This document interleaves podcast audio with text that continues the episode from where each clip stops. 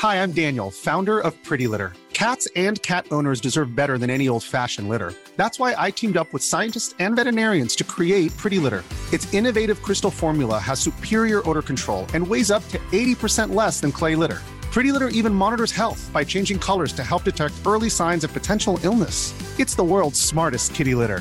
Go to prettylitter.com and use code ACAST for 20% off your first order and a free cat toy. Terms and conditions apply. See site for details. Quality sleep is essential. That's why the Sleep Number Smart Bed is designed for your ever evolving sleep needs. Need a bed that's firmer or softer on either side? Helps you sleep at a comfortable temperature? Sleep Number Smart Beds let you individualize your comfort so you sleep better together. JD Power ranks Sleep Number number 1 in customer satisfaction with mattresses purchased in-store. And now, save 50% on the Sleep Number limited edition Smart Bed for a limited time. For JD Power 2023 award information, visit jdpower.com/awards. Only at a Sleep Number store or sleepnumber.com. Many of us have those stubborn pounds that seem impossible to lose, no matter how good we eat or how hard we work out. My solution is PlushCare.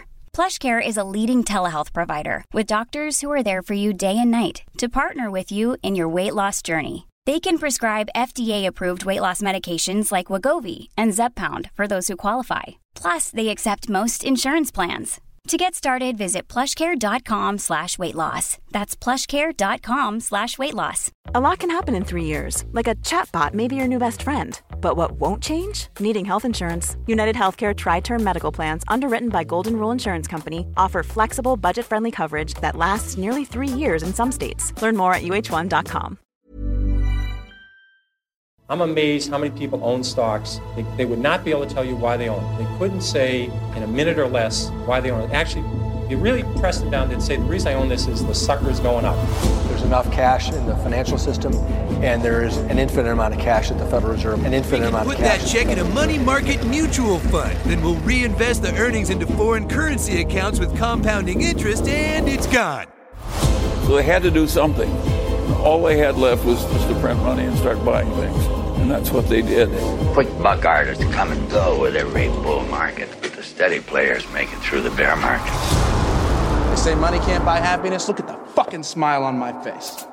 Hej och välkommen till ett nytt avsnitt av Market Makers. Det sista avsnittet vi spelar in i Sverige, höll jag på att säga. Men i, alla fall, eh, någonsin. i alla fall tills kommande två veckor eller vad det blir. Vi åker ju till, eh, ja, först till Chicago nästa vecka. Så nästa vecka kommer nog spelas in på plats i Chicago.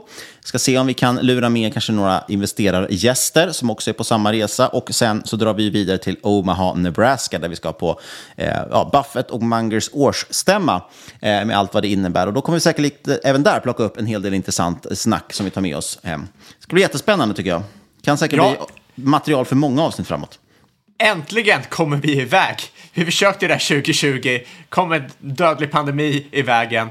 Men nu, tre år senare, så, så går det äntligen. Ja, det ska bli riktigt, riktigt roligt. Men det är inte det vi ska prata om idag, utan vi ska ju prata om ett nytt innehav i din portfölj har jag sett här. Ja, du vet, eh, man håller sig varm i kläderna i år. Det är liksom många transaktioner som skett i portföljen. Många tänker nog, oj, nu är Fabians portfölj jätte, jättestor, många innehav. Men nej, så är det ju inte. Det handlar ju alltid om att hitta bästa möjliga case, sortera ut och slänga ut dem som inte är lika bra. Precis, det är det man pratar om. Man pratar om diversifiering versus koncentration eller koncentrerad portfölj. Så är det ju faktiskt så att desto mer man diversifierar, det finns väldigt många fördelar med det. Och det är väl den klassiska rekommendationen att man ska ha 10-15 innehav i alla fall portföljen. Men man ska nog tänka på det att för varje innehav man eh, plockar in, eh, eller för varje innehav man har, så, så kan ju finnas någonting som är bättre. Varför ska man ha, alltså Ofta kanske man har fem bra idéer eller någonting och de andra då tio man eventuellt har, då kanske det är sämre idéer. Då kanske man ska fråga sig varför man äger de sämre idéerna. Så jobbar man med en koncentrerad portfölj, då måste det hela tiden vara lite en in, en ut. Exakt, och sen, sen är jag inte 100% med heller på att speciellt som retail-investerare, de flesta har inte så mycket tid, då det är inte nödvändigtvis så att du drar ner risken bara för att du har fler innehav i portföljen. Eftersom du då inte kommer ha full koll på innehaven heller. Då kan det ju vara så att du, utan egentligen att du tänker på det, drar upp risken i portföljen. Eh, bara eftersom du inte fullständigt kan analysera bolagen, hålla koll på dem. Eh, faktiskt förstå vart, vad riskerna är. Ja, precis. Nej, sen tänkte vi också prata lite kort om några intressanta rapporter och sen, eh, ja, kanske kommentera någonting på Riksbankens beslut här som kommer idag. Vi spelar ju in onsdag den 26 april, men det släpps den 27 och Riksbanken höjde ju här i morse. Men innan vi hoppar in på dagens avsnitt så ska vi påminna om att det inte är någon rådgivande rekommendation. Vi berättar bara om vår process, vi tänker, gör alltid en analys och glöm aldrig att alla investeringar är förknippade med Risk. Ja, jag tänkte vi kunde börja kanske med att bränna av några rapporter. Och, eh, många kommer nog reagera på urvalet här, men det är ju så också. Det är, det är inte, alla rapporter har inte kommit än, det börjar dimpa ner lite nu. Och, eh, jag plockade fram några som jag tyckte var intressanta helt enkelt att lyfta. Och dels tyckte jag det var intressant att för det första med Mips. Det här eh, som alltså många kallar för hjälmbolag, men det är det ju inte, utan det är en insats in i hjälmar för att göra dem säkrare. Man skyddar mot så kallade rotationsskador. Och det här har gjort uppmärksammat av många anledningar. Dels pratade vi om dem i podden för kanske två år sedan, måste det väl vara nu. Det har ju varit en riktig Raketaktien har gått otroligt bra. Bolaget har gått otroligt bra. Eh, allting har sett väldigt lovande ut. Men sen har det ju vänt väldigt snabbt. Det visar ju sig nu att det här med cykelhjälmar som är den största delen antagligen var väldigt coronadopat. Och kanske ska jag gissa på lite den här bullwhip-effekten man pratade om väldigt mycket för eh, är det ett år sedan snart kanske. Eh, som helt enkelt innebär att om en om slutleverantören, alltså det vill säga butiken som faktiskt säljer till kunden, vi tar cykelhjälmar som exempel, du går in på XL eh, Sport, XXL Sport till exempel och köper cykelhjälmar. Om de ser ett ökat tryck på att det säljs mycket cykelhjälmar nu, då kommer ju de behöva skicka lite extra beställningar till sin leverantör av cykelhjälmar, till grossisten, helt enkelt för att eh, se till att det ska finnas i lager. Och då ser grossisten att oj, det ökar väldigt mycket försäljningen här nu, vi kanske måste ta in lite extra från vår leverantör, eller från tillverkaren, för att eh, tillgodose den här nya ökade eh, efterfrågan. Och så trillar det ner hela vägen ner i ledet till då, i det här fallet Mips som levererar de här insatserna. Som leverantören har av sig till dem och sagt oj, vi säljer väldigt mycket cykelhjälmar. Så det blir en form av inbillad liksom, ökad efterfrågan. Men sen när det visar sig att när efterfrågan dör ut sen, då helt plötsligt sitter man ju på för stora lager, vilket då gör att effekten blir väldigt, väldigt stark och sen åt andra hållet. Så först ger den väldigt starka tillväxtsiffror, lite onaturligt starka, och sen onaturligt svaga siffror.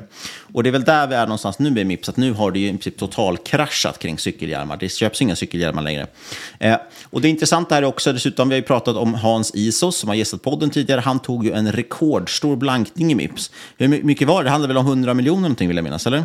Ja, han var väl levererad till satan på det i och för sig, men ja, det, det, var, det var inte ett litet innehav om man säger så. Nej, han klev upp som eh, var väl en av de största blankarna och typ blankade alla aktier han kom över i princip. Eh, och det var någon som trodde, menade du 100 000 kronor? Så han, nej, 100 000 aktier. Eller någonstans i den, den storkronan.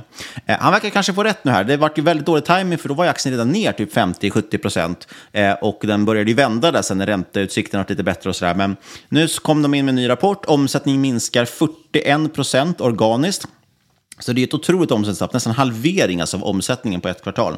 Eh, och marginalen minskar då förstås också kraftigt, från 45 procents marginal till 17,5 procent. Vilket då ger, vi har ju pratat mycket om det, att drömscenariot man vill ha i ett case, det är ju att man har ökad omsättning men också ökad marginal. För då får man ju liksom en dubbel effekt på vinsten i slutändan.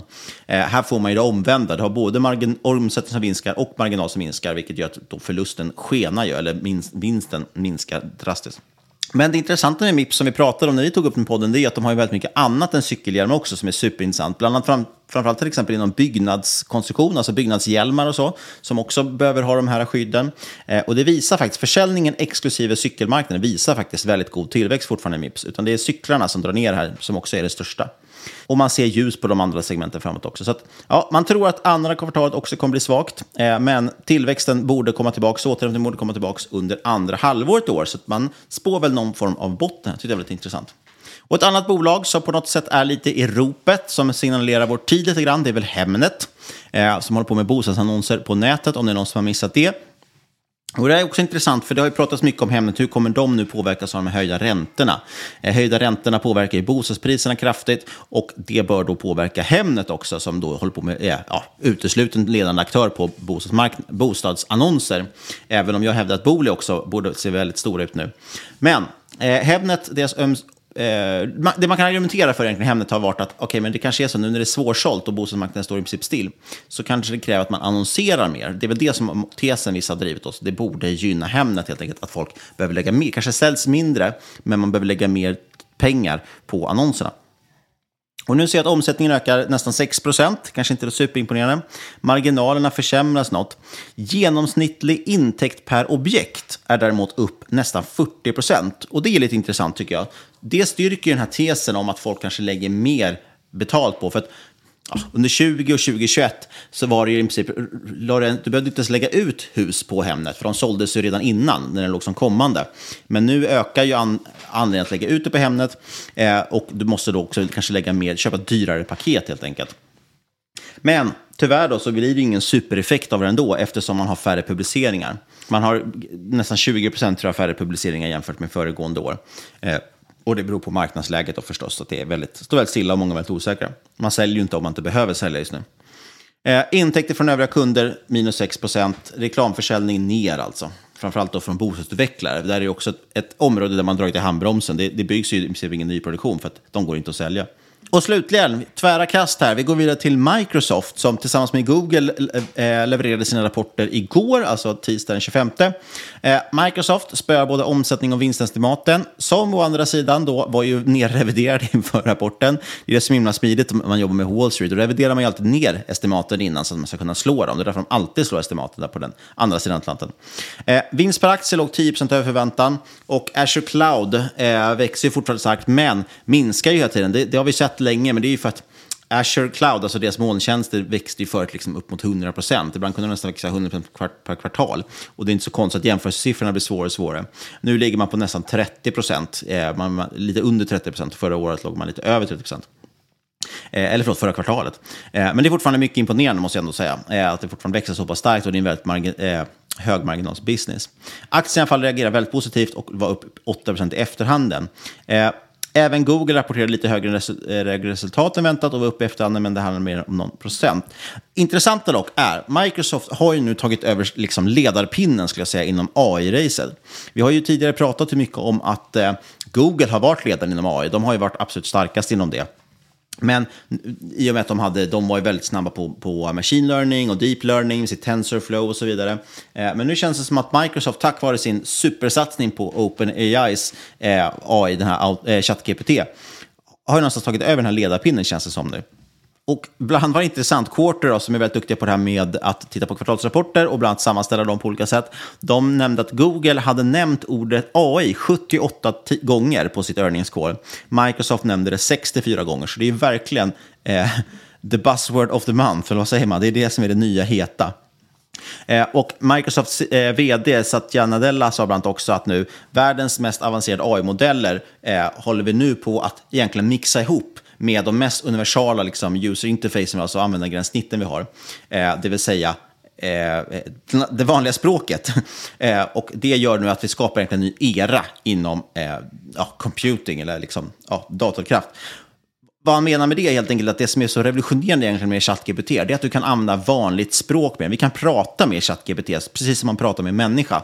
Och det är ju det som jag tror folk liksom gör att folk blir så golvade av den AI-modellen. För vi har ju haft otroliga AI-modeller innan också på många sätt. Men just det här otroligt naturliga det är att kunna chatta med en bot eh, och att den förstår vanligt språk. Man behöver inte vara så specifik i det man säger, utan man, man kan prata precis som man gör med en människa. Väldigt häftigt. Och eh, Microsoft har ju satsat stenhårt på att implementera teknik från OpenAI. Eh, och nu har de bland annat fått in det i sin webbläsare Edge. De får in det i sin sökmotor Bing, som helt plötsligt då blir liksom ett rejält alternativ till Google, som vi pratar mycket om. Nu stoppar de in det i hela sin Office-paketen också, så att du ska kunna direkt i till exempel PowerPoint eller Word plocka upp i princip ChatGPT, be den skriva ihop eller generera en, en slideshow till dig och så hjälper den dig med det. Eh, och de stoppar också in det i sin cybersäkerhets, eh, i sitt cybersäkerhetserbjudande, vilket är rätt intressant.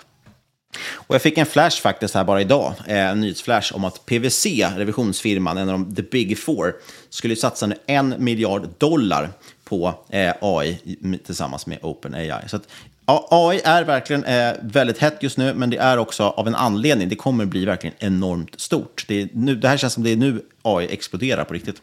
Ja, och det känns ju som det som håller upp marknaden just nu för att som du säger, man har ju AI överallt. Eh, och eh, ja, uppenbarligen, marknaden vet någonting jag inte vet. Eh, men eh, det känns ju verkligen som de har tilltro till de här jättarna, att de ska få upp sin tillväxt igen framöver. För att, eh, ja, jag fattar ju att det har slagit estimaten och att man har framtidstro på marknaden. Eh, jag är väl inte supersåld på resultatet vi får in. Eh, speciellt när man kollar på jag menar FCFs yield, earnings yield, som är liksom på några enstaka procent versus riskfria räntan i USA.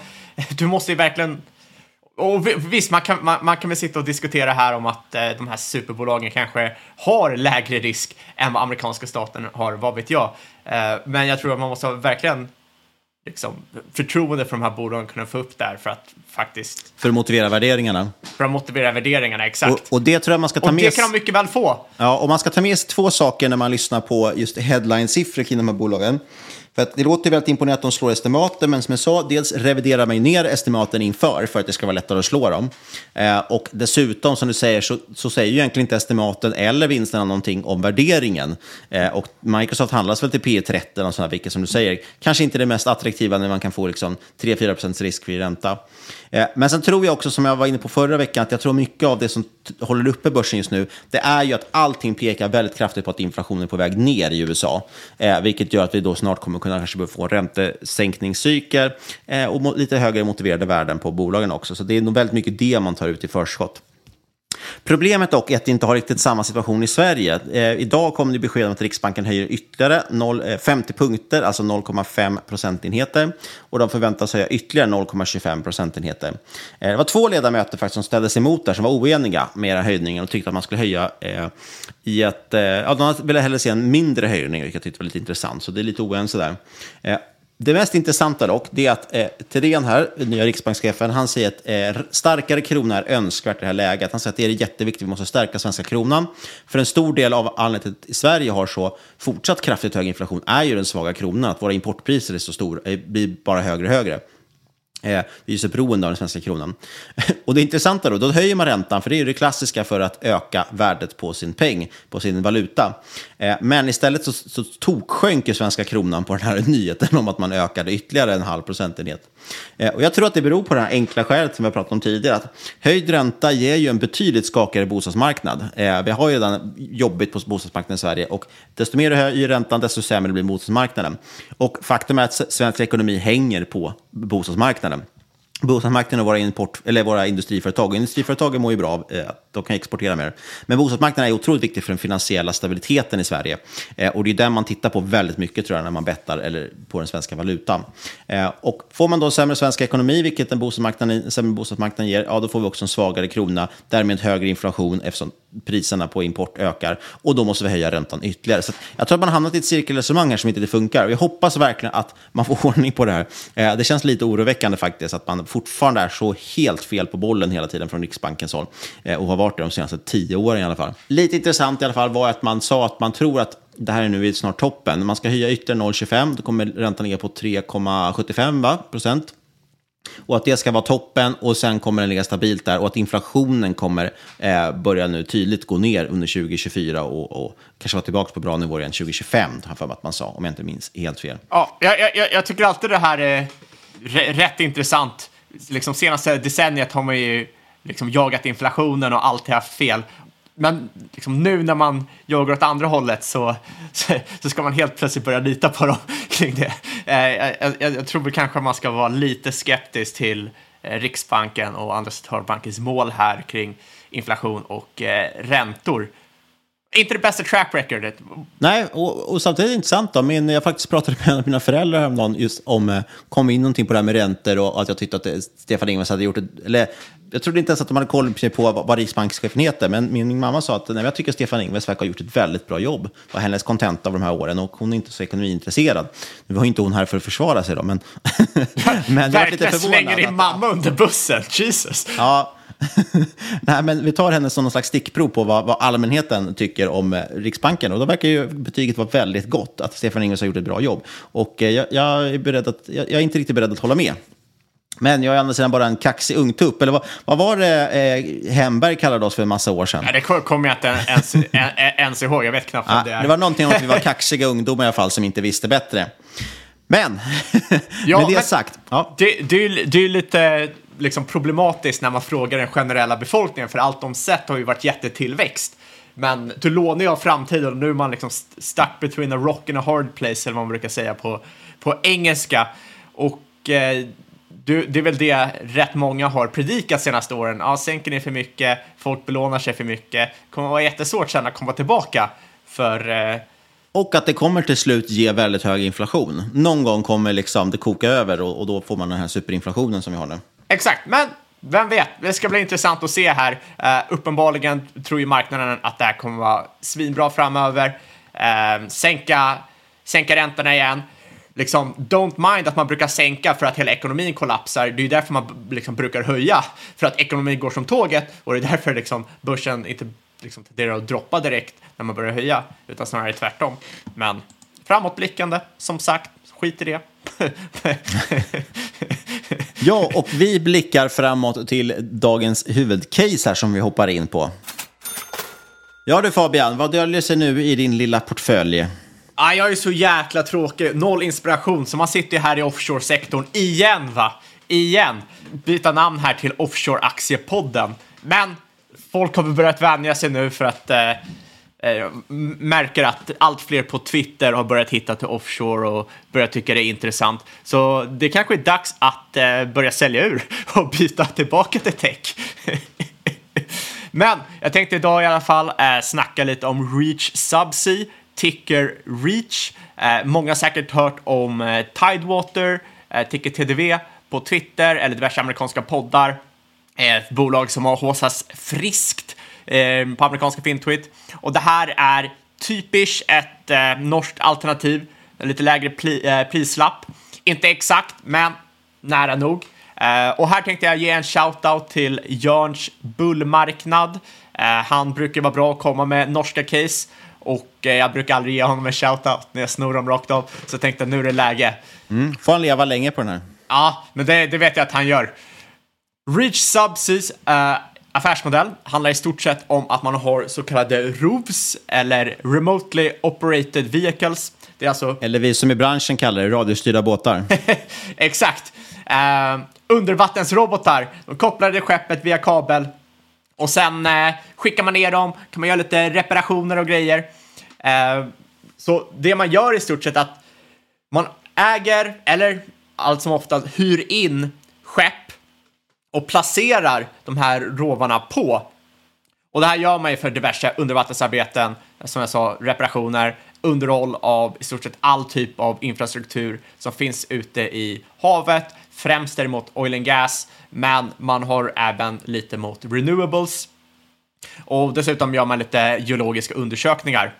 Eh, en intressant grej här är att man även håller på att bygga fjärrstyrda skepp Eh, varav en förväntas levereras i slutet på 2023, projektstart under 2024. Och eh, de här är ju liksom helt fjärrstyrda, ingen personal på skeppet. Du sitter där i dina kallingar hemma och styr den, nästan inte riktigt så, du har väl ett kontrolltorn du sitter i. Men så skickar du ut det här, eh, ingen personal ombord och man kommer att se drastiskt minskade omkostnader på grund av det här. Och vi snackar totalt Eh, så guidar företaget 65 procent lägre capex och opex och det är ju rätt intressant i en sån här marknad där du har liksom höga fasta kostnader och glider mycket på den operationella hävstången. Eh, kunder är liksom rätt fina, rätt fin kundstock här. Eh, BP, du har Shell, du har Equinor. Och fördelen med den här typen av affärsmodell är egentligen att man kan hyra ut, eller man kan hyra in skepp Eh, på långa kontrakt eh, smälla på de här eh, liksom personal och eh, de här robotarna eller rovarna. Och sen kan man hyra ut på kortare kontrakt till sina kunder. Och den här affärsmodellen, som du kanske förstår, är inte den bästa när marknaden är svag eftersom man då sitter med massa skepp som man inte kan hyra ut, man måste pröjsa för. Men det är desto bättre i en starkare marknad då man kan omförhandla kontrakt på löpande band. För det betyder ju att du kan öka dina intäkter mycket snabbare. Och eh, man har ju då, därmed liksom en väldigt stark operationell hävstång. Alltså man kommer ju ha de här förbestämda fasta kostnaderna, ofta i några år är de bestämda och sen kan du förhandla upp dina kontrakter som drar in intäkter. Ja, just det, för att, för att det du säger egentligen det är att Reach, de hyr ju in skepp för att sitta sina rovar på. Ja. Och sen hyr de ut dem på kortare kontrakt, ja. Exakt, exakt. Och det här ger ju möjlighet nu till um, liksom explosiva ökning i earnings, vilket man också sett eh, under året, som jag ska gå in på lite senare. En ytterligare fördel att lisa de här skeppen är att eh, sådana här skepp har en livstid på typ 30 år. Och ju äldre ett skepp blir, desto mindre kommer det faktiskt att hyras ut över tid. Eh, och eh, om man äger de här skeppen så till slut kommer man ju behöva refresha sin flotta så att säga genom att sälja eller scrappa de äldre skeppen och sen köpa in nya och det är ju en, liksom, en otrolig kostnad för bolagen. Och de bolag som tenderar att tjäna mest i sådana här cykler är de som kan kapitalisera på uppgången i rates och eh, monetarisera när marknaden är stark. Inte Och med rates menar vi det här med day rates, det vill säga vad man faktiskt kan tjäna på de här grejerna när de är ute sen. Ex- eh, eh, Till exempel exakt. hur mycket olja man drar upp. Exakt, det blir alltid så när du hyr in och hyr ut. Du gör ju det till ett dagspris. Men som sagt, det, det är inte nödvändigtvis de som äger skeppen som tjänar mest här, eh, eftersom de här skeppen, de deprecierar ju för varje år som går, de blir mindre värda. Och ett sånt här skepp kostar väl cirka 60 miljoner dollar att bygga just nu.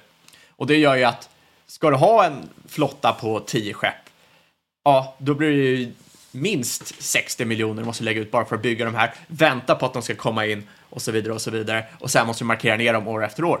Ja, det må, måste ju vara otroligt mycket lättare att kontrollera kassaflödet i bolag när man har en fast hyreskostnad för skeppet förstås. Exakt, exakt. Och inte, inte stora investeringscykler när man ska ut med 60 miljoner dollar för att bygga ett nytt skepp för att ersätta ett gammalt och så vidare.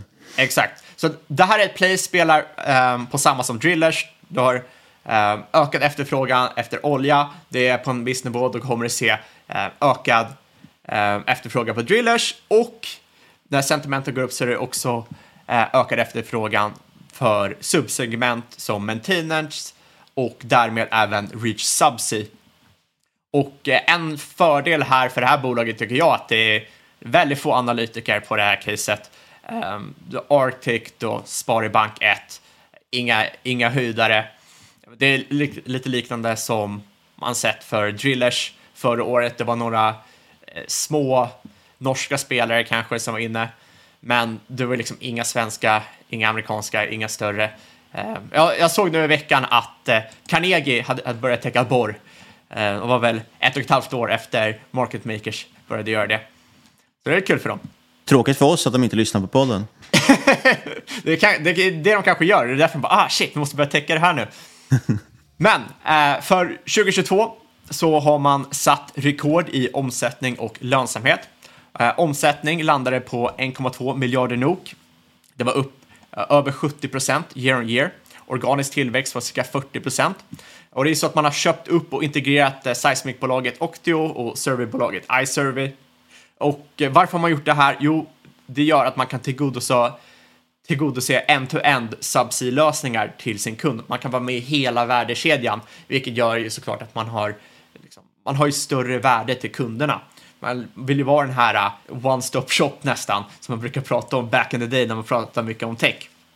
Och det som är intressant här är också att Octio eh, positionerar även bolaget för eh, carbon capture och storage. Fler bolag vill ju bli ESG, eh, plocka in lite carbon och så vidare från atmosfären. Ja, det där har ju pratats mer och mer om. Såg senast så var bland på SVT tror jag de hade Vetenskapens värld, en dokumentär där de visar ett antal experter om olika lösningar på, på klimatkrisen och hur man ska få någon koldioxid. Och de totalsågar att, att lagra koldioxid. Men det verkar ju också vara det nya heta nu, som många kommer ihåg. Vi pratade ju förra veckan bland annat om eh, Oxy, som skulle börja eh, lagra eh, koldioxid bland annat.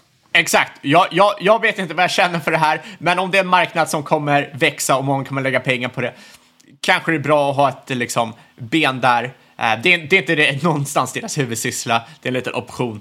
Men den här starka tillväxten, den var till trots en svag Q1 på grund av väder och därmed svag marknad. Eh, 70 procent av intäkterna eh, kom från Norge, Storbritannien och USA. Över 30 procent kommer från endast Norge. Så att eh, det är rätt stabila områden. Ehm, um, du har inte liksom majoriteten nere i Afrika och så vidare som är kanske lite mer risky, um, så att säga. Eh, uh, 80 procent av intäkterna kommer från oil and gas, resten kommer från förnyelsebart. Uh, ebit landade 2022 på strax över 100 miljoner norska kronor. Man har 4 procent utdelning, alltså cirka 0, eh, inte cirka, man har 0,18 NOK per aktie utdelning 2022. Och intressant här är att Reach Subsea, de stängde 2022 med en backlog på 740 miljoner norska kronor. Uh, varav en majoritet av det här kommer komma in i 2023, så du har redan nu en rätt bra förståelse för vad omsättningen kommer landa under året. Och det här är faktiskt upp sju gånger om uh, jämfört med 2021. så det är en markant ökning. Det är all time high i orderboken. Det där är intressant. Om man ställer i relation då till att de omsätter lite drygt en miljard så har de ju fått in då mellan 60-70 procent av, av föregående års omsättning redan i orderboken.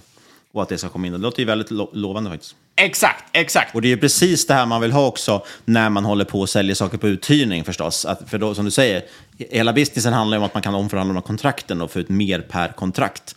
Och då är det ju ganska bra att ha en stor orderbok och, och, som man kan peka på när man försöker höja priserna. Yes, det, det är ju som med, så, som med drillers där. Det är ju, supply sätter ju, eh, sätter ju priset och eh, ju mindre supply som finns kvar, ju, ju mer kan du öka priserna. Man har faktiskt även köpt ett skepp, eh, Edda Sun, i en joint venture med Eidesvik Offshore. Eh, Eidesvik Offshore ska stå för management, besättning och eh, själva eh, hanterandet av skeppet. Och dessutom har man leasat fyra ytterligare skepp och eh, sitter nu på nio stycken under 2023. Och eh, anledningen varför man gör det här är för att man har just en extremt stor demand som man har sett på tillväxten. Och i och med det här så tog man in 125 miljoner norska kronor via en ny emission tidigare i år. Och eh, under året har utilization på de här rovarna legat, legat på 73 procent och eh, skeppen på strax under 90 procent. Så man ser här hög utilization. Ja, och som du var inne på, det är ju egentligen det viktigaste. Har man grejerna uthyrda eller inte? Det låter ju som väldigt bra eh, uthyrningsgrad på grejerna. Utan att kunna branschen förstås i detalj. Exakt, exakt. Och eh, kikar man på Q2, Q3 och Q4 här. Eh, Bortse lite från Q1, som jag sa, det var ett svagt eh, Q1. Vilket såklart är rätt trevligt inför 2023, för det betyder ju svaga jämförelsetal. Men Eh, då växte ebit med 170 procent i snitt per kvartal year on year. Och eh, där kan man ju snacka om eh, operationell hävstång. Och eh, jag tror i alla fall att den starka efterfrågan man ser nu för eh, de här skeppen eh, kommer fortsatt påverka topline positivt. Jag tror inte att den kommer falla av. Eh, I alla fall när man kikar på eh, andra bolag i branschen, eh, andra områden. Eh, såg nyligen att, vad var det, Shel- Shelf Drilling kom in med 120k day rate på en 40 år gammal rigg. Och eh, det är väl ungefär 50% över eh, liksom tidigare priser man har sett. Så det betyder att den branschen börjar bli tight. Här kommer till slut också bli väldigt, väldigt tight. Men samtidigt ganska hårda jämförelsetal som du säger, om, om man växer så pass starkt under de senaste kvartalen, om vi bortser från Q1 då. Ja, exakt. Men Q1 2022 var ju, eh, var ju vad heter det, väldigt, väldigt svagt. Eh, så förhoppningsvis nu kommer man komma in starkt igen. Och du, du kommer ju ändå från en relativ låg nivå som var 2021. Eh, så att jag, jag tror inte att det är så svårt att räkna hem. Du behöver inte nödvändigtvis sitta och tro att du kommer växa 70 procent i snitt om året de kommande åren för att kunna räkna hem det här. Då. Nej, apropå det då, vad har du räknat fram här för värdering egentligen? Eh, ja, eh, som sagt, jag tror topline fortfarande kommer växa rätt eh, starkt. Eh, jag tror dock att eh, investeringarna i bland annat det här Reach Remote kommer fortsätta tynga resultat och kassaflöden under 2023. EV-ebit ligger nu på cirka 10. Då tar man ju såklart hänsyn till det här dåliga kvartalet under 2021. Jag fortsätter räkna med stark topline under 2023. Men däremot skissar jag på EV-ebit om cirka 3,5 för 2024 och cirka 3 för 2025. Eh, liknande FCF-nivåer så vi snackar en FCF-yield på cirka 30. Och eh, historiskt har EV-ebit legat på 10. Nu kanske man inte kan använda det eftersom vi har haft en liksom, rätt svag marknad de senaste 10 åren då bolaget varit aktivt. Men vi borde väl i alla fall kunna se EV-ebit 5-6 för det här bolaget. Tycker jag inte vore konstigt. Eh, så det ger ju en rätt stabil uppsida samtidigt som det känns som man har en relativt begränsad nedsida här då du ser orderboken. Eh, de är inte särskilt leverade, vilket är, jag vet, ni blir förvånade. Re, liksom, det beror på hur, hur, man vill räkna här. Vill man inte räkna med liserna, ja då har du nettokassa. Jag brukar räkna in liserna bland skulderna eh, och då får du ju en liksom, liten, liten nettoskuld. Men absolut inget farligt.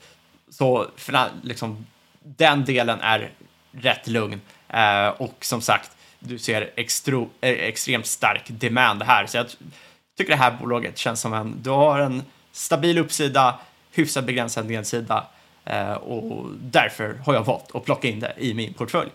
Ja, men intressant. Och det, som du säger, det, det är lite intressant också just att eh, vi har pratat mycket om oljeriggar och så vidare eh, och eh, oljeproducenter. Och, och, den cykeln börjar ju verkligen ta fart nu. Som du säger, man börjar se högre day rates nu och sådär. Och att det, det, liksom, det börjar plocka upp fart helt enkelt. Och det här är då ganska nästa ganska naturligt nästa steg att underhålls, de som sysslar mycket med underhåll egentligen av de här riggarna och så vidare, bör ju också då få fart på det här i, i efterhand också. Exakt, och sen får du ju liksom en liten eh, ESG ESG-stämpel här. Eh, För att man har 20 förnyelsebart, ja. Ja, ja, men det är grymt. 20 ESG-stämpel säger vi i alla fall. Och 4% direktavkastning. Det låter ju som en klockren deal. Ja, lite kort avsnitt idag kanske. Eh, men vi preppar ju och laddar inför vår resa som förhoppningsvis ska bjuda på mycket spännande grejer. Eh, vi vill dock påminna som vanligt om att inget av den här podcasten ska ses som rådgivning. Alla åsikter var egen gäst och eventuella sponsorer tar inget ansvar för det som sägs i podden. Tänk på att alla investeringar är förknippade med risk och sker under eget ansvar. Eh, kontakta oss på podcast.marketmakers.se eller på Twitter och iocaps at. Och glöm inte att lämna en recension på iTunes. Och sist men absolut inte minst, kära lyssnare, stort tack för att just du har lyssnat. Vi hörs igen om en vecka.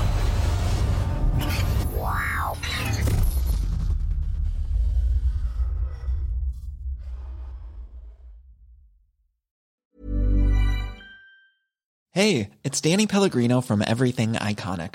Ready to upgrade your style game without blowing your budget? Check out Quince. They've got all the good stuff shirts and polos, activewear, and fine leather goods, all at 50 to 80% less than other high end brands. And the best part?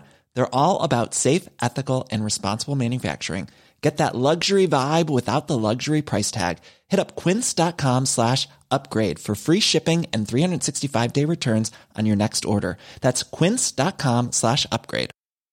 Hi, I'm Daniel, founder of Pretty Litter. Did you know cats tend to hide symptoms of sickness and pain? I learned this the hard way after losing my cat, Gingy. So I created Pretty Litter, a health monitoring litter that helps detect early signs of illness by changing colors, saving you money and potentially your cat's life. Pretty Litter is veterinarian developed, and it's the easiest way to keep tabs on your fur baby's health right at home. Go to prettylitter.com and use code ACAST for 20% off your first order and a free cat toy. Terms and conditions apply. See site for details. Saving money on exterior wall lights. Now at Menards. Find your style with Patriot Lighting. Exterior lights enhance the look of your home. Choose from over 50 options from Patriot Lighting. Now through May 19th, get $10 instant savings on a single qualifying purchase of $100 or more on in stock outdoor wall lights. Check out our entire selection of outdoor lights and see the rest of our deals happening now on Menards.com. Save big money at